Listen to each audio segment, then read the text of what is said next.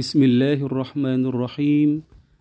Assalamualaikum warahmatullahi wabarakatuh.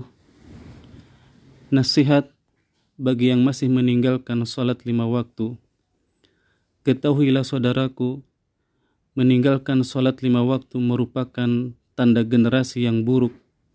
Sebagaimana Allah berfirman dalam Quran surat Maryam ayat ke-59 فخلف من بعدهم خلف أضاعوا الصلاة واتبعوا الشهوات فسوف يلقون غيان maka datanglah sesudah mereka pengganti yang jelek yang menyia-nyiakan salat dan memperturutkan hawa nafsunya maka mereka kelak akan menemui kesesatan Saudaraku kaum muslimin ketika para penghuni neraka sakar ditanya diceritakan oleh Allah Subhanahu wa taala dalam Quran surat Al-Mudathir ayat 42 sampai 43.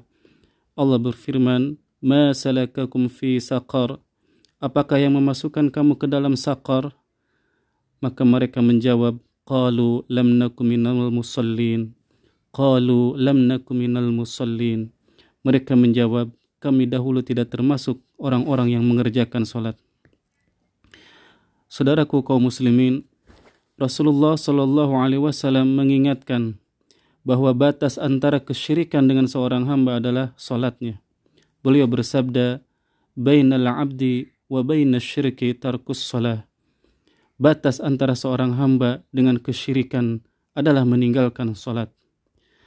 Sahabat Rasulullah Shallallahu Alaihi Wasallam Abu Hurairah radhiyallahu anhu pernah berkata, dahulu sahabat Muhammad sallallahu alaihi wasallam tidak memandang suatu pun dari amal ibadah dalam Islam yang mana meninggalkannya adalah kekafiran yang nyata. Maka bagi orang-orang yang meninggalkan salat ia terancam keluar dari Islam. Ulama Ahlus Sunnah Imam Ibn Hazm rahimahullah mengatakan setelah syirik tidak ada dosa yang lebih besar daripada menunda salat hingga batas waktunya dan membunuh seorang mukmin tanpa alasan yang benar. Bahkan Imam Ibn Qayyim Al-Jauziyah menukilkan bahwa dosa meninggalkan salat lebih besar daripada dosa membunuh, berzina, mencuri, durhaka kepada orang tua atau dosa besar lainnya. Oleh karena itu saudaraku, janganlah meninggalkan salat lima waktu, apa pun alasannya, kecuali alasan yang dibenarkan seperti haid atau nifas. Salatlah sesuai kemampuan. Jika tidak mampu berdiri, maka salatlah dengan duduk. Jika tidak mampu duduk, maka salatlah dengan berbaring. Kemudian, jika lupa karena sesuatu hal tidak salat, maka salatlah ketika ingat. Jika ketiduran, lalu Anda meninggalkan salat, maka segeralah salat ketika bangun. Saudaraku kaum muslimin, marilah kita senantiasa menjaga salat-salat lima waktu kita agar kita menjadi hamba-hamba Allah yang beruntung.